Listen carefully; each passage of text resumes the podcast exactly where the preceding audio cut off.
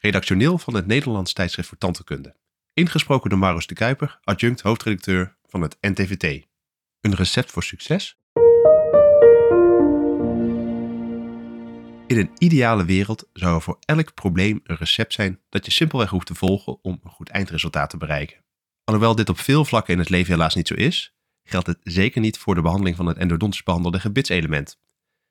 In tegenstelling tot de behandeling van vitale gebitselementen zit er in meerdere aspecten van de endodontische behandeling een mate van onzekerheid. Zo heb je vaak te maken met diepe restauratieranden. Hoe krijg je die geïsoleerd zodat er geen herinfectie van het kanaalsysteem optreedt? Die oude endodontische behandeling die aanwezig is, vertrouw je daarop voordat je nieuwe restauratie vervaardigt?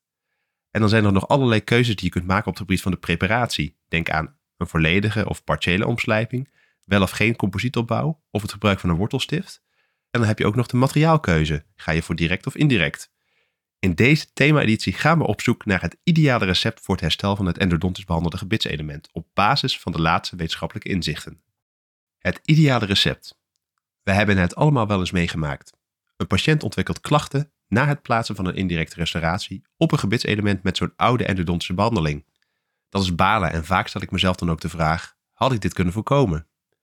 Standaard een endodontische herbehandeling indiceren voorafgaand aan een indirecte restauratie, alleen maar om meer zekerheid te hebben, is niet altijd zinvol, kent risico's en vormt bovendien vaak een extra kostenpost voor de patiënt. Het eerste artikel in deze thema-editie geeft wat handvatten om het endodontisch fundament op waarde te schatten en te beoordelen wanneer een revisie van de endodontische behandeling verstandig is. Wanneer er weinig resterend tandweefsel over is, smaakt de toevoeging van een wortelstift wellicht naar meer. Is dit echter wel een waardevolle toevoeging? Of loop je juist meer risico op wortelbreuk? Collega's Fokkinga en Jongsma zetten in hun artikel de wetenschappelijke overtuigingen voor het gebruik van een wortelstift uiteen. In het derde artikel van dit thema-nummer wordt het effect van het type restauratie op de tandoverleving besproken. Hoe lang gaat een directe of een indirecte restauratie eigenlijk mee? Na het lezen hiervan heb je antwoord op deze vraag en kun je aan de hand van de beslisboom een inschatting maken van de prognose van adhesieve restauratie. Maar soms is de koek op, zoals in het geval van een wortelfractuur. Waar we automatisch denken aan extractie, kan het ook de moeite waard zijn om te denken in wortelbehoud in plaats van het gehele gebitselement meteen op te geven. De laatste jaren staan de hemissectie en de radixamputaties weer in de belangstelling, onder meer vanwege de vergrijzende bevolking en de daarmee gepaardgaande contra-indicatie voor implantologie. In het nagerecht van deze editie worden de voor- en de nadelen gepresenteerd van het gedeeltelijk wortelbehoud. Informeren in plaats van excuseren.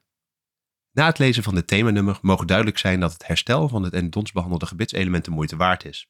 Soms ziet het resultaat van de behandeling er echter anders uit dan gepland. Dat is vaak een teleurstelling voor zowel de patiënt als jou als behandelaar. Toch kun je wel wat meer grip krijgen op deze teleurstellingen. Heb je de patiënt vooraf geïnformeerd over de risico's of komt de mededeling over de slechte prognose pas achteraf? Vooraf informeren voorkomt achteraf excuseren. Alhoewel een complicatie toch wel echt bitter smaakt, voorkom je een nare nasmaak door een patiënt voor te lichten over de onzekerheidsmarge die in sommige behandelingen schuilt. Ondanks dat ik nog steeds op zoek ben naar het ideale recept voor dit soort gebitselementen, vind ik het een enorm uitdagend stukje van ons vak, waar functie, parodontologie, endodontologie en de restauratieve tandheelkunde samenkomen. Ik wens je dan ook veel inspiratie bij het lezen van deze thema-editie.